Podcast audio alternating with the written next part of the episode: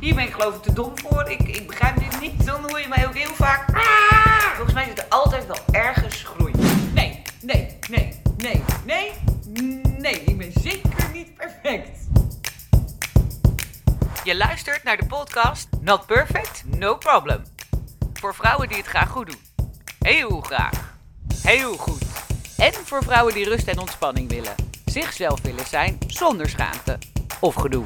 En dan ook nog willen weten hoe. Ik ben Elke Keizer. Ook ik ben zo not perfect. Van harte welkom bij de podcast Not Perfect, No Problem. Wat leuk dat je luistert. Even voor de eh, oplettende luisteraar, mocht ik vandaag anders klinken dan anders, dat klopt. Ik sta namelijk terwijl ik deze podcast eh, opneem en in zit te spreken, ook nog voor de camera van mijn mobiele telefoon. Het schijnt er namelijk zo te zijn dat als ik meer zichtbaarheid en meer hoorbaarheid wil, dat het slim is om filmpjes te posten op social media. En je wil niet weten hoe verschrikkelijk ik dat vind. Overigens heb ik al lang gemerkt dat ik de enige niet ben. Er zijn een miljoen cursussen die je kunt volgen om dit goed in de vingers te krijgen. Nou, halleluja. Tante Nelke heeft natuurlijk ook zo'n cursus gedaan. Hielp niks, behalve dat je wel even lekker oefent. En dat je natuurlijk wat, we zullen maar zeggen, lotgenoten om je heen hebt. Maar dat zichtbaar zijn en hoorbaar zijn blijft gewoon een ontzettend lastig ding. En ik weet ook waarom.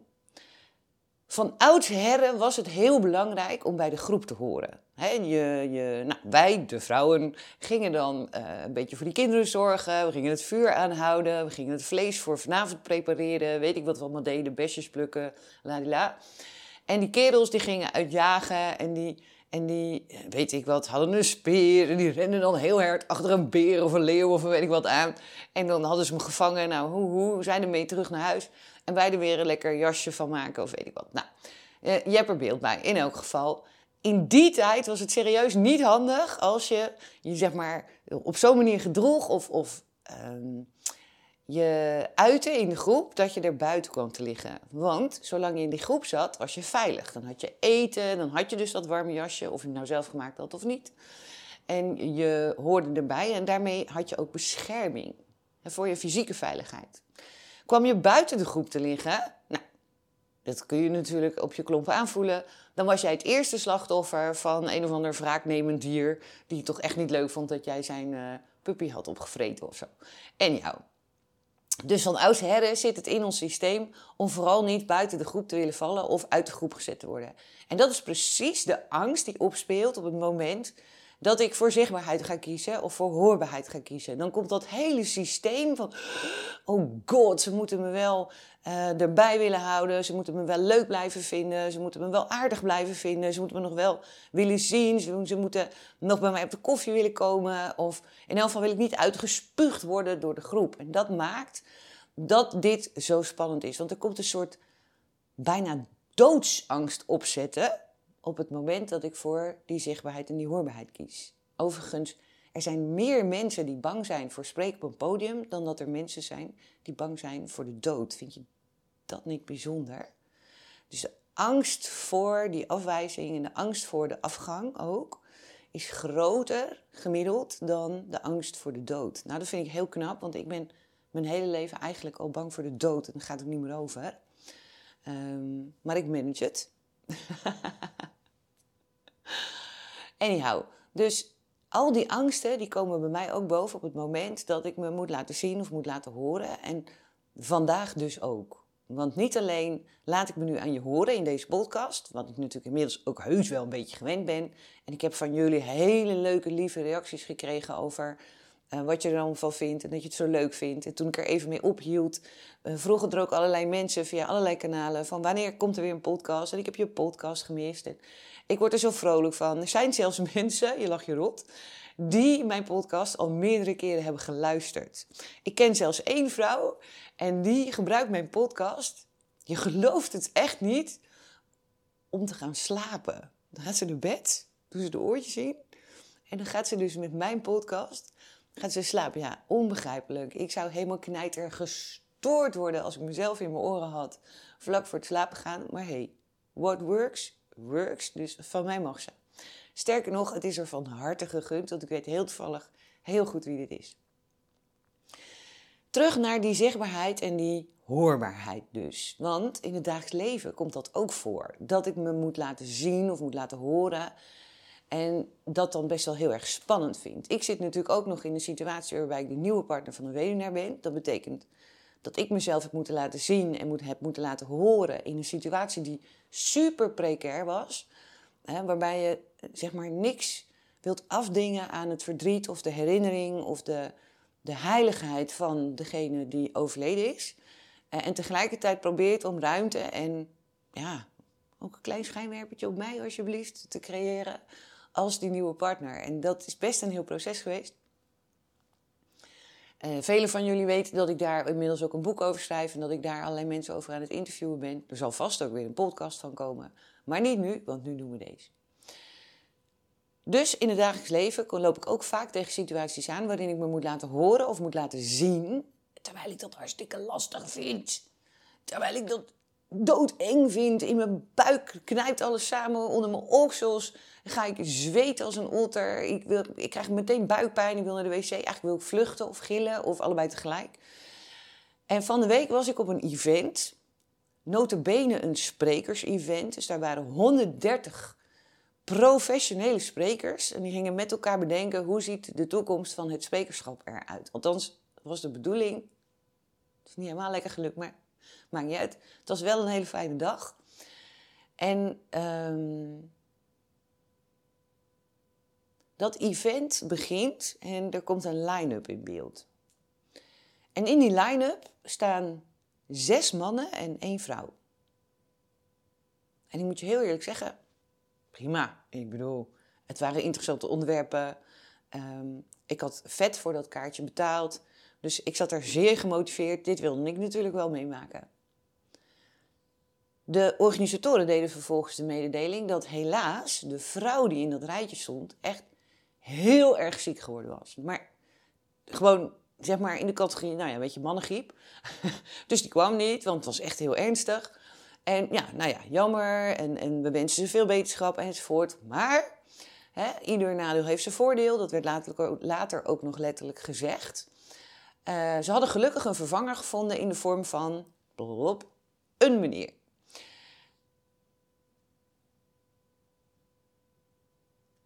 En ineens gebeurt er iets in mijn buik. Er gebeurt iets in mijn systeem. Ik, ik merk dat ik een soort kwaad begin te worden. En een, een boosheid of een, een opwinding die ik niet begrijp, die ik niet heel goed kan plaatsen meteen. Als zij vervolgens hun nieuwe line-up laten zien. En dan staan daar dus alleen maar mannen. En ik geloof meteen dat die invaller een hele leuke, interessante spreker is. Daar gaat het me niet om. Maar deze twee organisatiemannen, die overigens zelf ook spreker waren uiteraard, waren zo trots op hun oplossing en die waren zo trots op dat het gelukt was om een invaller te krijgen, dat ze helemaal niet bewust waren van het feit dat dat ook weer een man was. En dat er nu dus een hele lijst met alleen maar mannen stond. En trust me, ik ben echt geen feminist. Nee, nee, echt niet. Ik heb het hele fenomeen, fenomeen, het hele fenomeen feminisme heb ik nooit begrepen. Sterker nog, zou ik het willen begrijpen, dan zou ik beter kunnen beginnen met het eerst eens eventjes te googlen. Want ik weet niet eens heel precies wat het inhoudt. Ik denk dat ik daar ook zeg maar de generale mening over heb die iedereen erover heeft. Volgens mij zijn feministen namelijk gewoon vrouwen die het niet zo leuk vinden dat er mannen zijn op plekken waar ook vrouwen zouden kunnen zijn. En, nou, trouwens, misschien heb ik het wel goed. En ja. Dus van nature ben ik geen feminist. Ik wil dat mijn man de vuilnisbakken buiten zet. Ik wil dat mijn man het gras maait. Ik wil dat mijn man de zware spullen sjouwt. Mijn man is de absolute klusser in huis. Ik ben ook een klusser, maar als het nu met hem dan kies ik er snel voor om hem dan de klus te laten doen. En dan ga ik wel koken, schatje. dus, nou, mag helder zijn. Uh, zeg maar, de, de onafhankelijke vrouw in mij vindt het ook helemaal prima om dat bij momenten niet te zijn. En, en daar gewoon, dat is allemaal wel. Weet je, het is allemaal prima. Ik heb ook het liefste dat, dat, bij ons is het zo dat hij rijdt van nature. Als we instappen automatisch, hij gaat achter het stuur zitten en ik stap er automatisch naast. Overigens, op lange ritten wisselen we wel. En af en toe roep ik ook, nu wil ik. Helemaal als hij mij te snel en te agressief en te fris en te fruitig aan het rijden is. Dan wil ik nog wel eens voorstellen om even te ruilen, zodat ik ook een beetje leuk op de bestemming aankom. Maar over het algemeen heb ik dus niks tegen de traditionele man-vrouw verdeling. Waarbij de man de boventoon voert en de vrouw de faciliterende, servicegerichte, eh, zachte, vriendelijke, uh, vrouwelijke kant vertegenwoordigt. En toch zit ik daar op de eerste rij tijdens dit event me vreselijk op te winden, gewoon kwaad te worden werkelijk. En tegelijkertijd me te realiseren dat ik vind dat hier iets van gezegd zou moeten worden. Dat ik vind dat de zaal zit vol met vrouwen. Hè? Er zit zeker 50% van de deelnemers is vrouw. Die hebben ook vet betaald voor dat kaartje met dezelfde euro's als de mannen die daar zitten. En ik denk, dat valt hun ook op natuurlijk. Die vinden daar ook iets van. Kan niet anders. Dus keizer, als jij nou gewoon eens even heel lekker je bekje dicht houdt. Want er gaat vast zo meteen iemand opstaan. We mochten namelijk vragen stellen in de zaal. En die gaat daar iets over zeggen. Of een vraag over stellen. Niet dus. Niemand zei iets. En binnenin mij ontstaat, terwijl ik dat helemaal niet wil, steeds sterker de drang om er toch iets over te zeggen, om er toch een vraag over te stellen. En tegelijkertijd met dat besef ontstaat er ook in mij buikpijn, kramp. Trouwens, ik moest al super nodig plassen. En als je druk op je blaas hebt, als je een beetje weet hoe dat voelt, dan ben je sowieso al niet relaxed. Ik krijg het Spaans benauwd, ik krijg hartkloppingen. Ik ben in gevecht in mijn hoofd met mezelf. Kak, ik heb hier geen zin in, aan de ene kant. En kak, ik vind dat ik moet, aan de andere kant. De kak, ik vind dat ik moet kant was mijn, ja, hoe zou het zeggen, mijn, mijn interne integriteitsstijger of zo. Uiteindelijk, toen er toch al niet zo heel veel vragen meer waren, heb ik toch mijn hand opgestoken. Uh, krijg ik zo'n dobbelsteen in mijn handen met een, met een microfoon erop. En dan moet je zo uh, een beetje heel soepel en ontspannen, want je bent tenslotte professioneel spreker. Dus dit gaat je allemaal heel makkelijk af. Uh, ging die vraag stellen. En nou ja, je weet een beetje hoe ik ben, dus ik heb hem wel met enige humor ingestoken. Ik heb ook gevraagd uh, ja, wat nou maakt dat als de zaal met 50% vrouwen gevuld is, waarom de line-up dan nergens meer een vrouw vertegenwoordigt op het moment dat dat wel had gekund. Ik wist namelijk dat er in de zaal ook een vrouw zat die ze prima hadden kunnen bellen. Die mensen zijn zelfs vrienden met elkaar. Zij is een meer dan uitstekend spreekster. En zij is de meest gevraagde vrouwelijke voorzitter van Nederland. Kortom, daar hadden wij ook heel veel van kunnen leren. En die had ons ook een heel tof verhaal kunnen vertellen. En dat had zij zo uit haar mouwtje uh, geschud. Daar twijfel ik niet over. En ik wist natuurlijk niet zeker dat ze niet gevraagd was. Maar het ging me meer om, het, het, de, om de bewustwording. Hé hey, jongens, ben ik nou echt de enige die ziet wat hier gebeurt? En ben ik nou echt de enige die hier iets bij voelt? Nou, bleek dat dat dus niet zo was. Want die halve hele zaal begint vervolgens te klappen nadat ik mijn verhaal, bewustwordingsmoment, vraag gesteld heb, heb gedaan. En ik mag met mijn knikkende knietjes en mijn overvolle blaas weer gaan zitten, want de heren gaan antwoord geven. Ze geven dat antwoord specifiek aan mij, als in ze kijken mij natuurlijk vaak aan of ze zoeken vaak mijn richting. En ik kan alleen maar heel lief knikken, begrijpend, begripvol, met een trillend bovenlipje. Niet omdat ik nou zo emotioneel ben, maar van pure zenuwen. Van pure zenuwen is er een spiertje hierboven in mijn lip, is heel debiel aan het doen. En ik ben me daar zo bewust van, dat ik eigenlijk niet zo goed meer kan horen wat die mannen nou eigenlijk zeggen. En dat ik weet dat ik heel lief, of dat ik in elk geval als ze connectie maken, dat ik daarop zou moeten reageren. Dus dat doe ik dan ook. Uh, maar er zit echt helemaal geen hoe zeg je dat? Eigenheid achter. Er zit alleen maar mechanisch knikken achter. Wauw, keizer. En dat allemaal omdat je jezelf één minuut, langer zal het echt niet geweest zijn, één hele minuut liet ik mezelf zien in een zaal met 130 mensen. Eén hele minuut stelde ik ook die twee mannen op het podium een klein beetje aan de kaak. Eén hele minuut probeerde ik een punt te maken of een stukje bewustwording te creëren, waar voor mijn gevoel de hele groep nergens last van had. En pas toen ik het gezegd had, bleek dat er veel meer mensen waren die er ook zo over dachten. En die dat ook hadden bedacht. Sterker nog, ik krijg niet alleen applaus na afloop. Eh, de mannen geven een bepaald antwoord. Wij hebben vervolgens een paar pauzes in de loop van de dag. En er komen telkens mannen en vrouwen naar me toe, die, die ik dus niet ken. En die zeggen, wauw, wat goed dat jij dat gedaan hebt. hey, het was heel zinnig wat jij deed.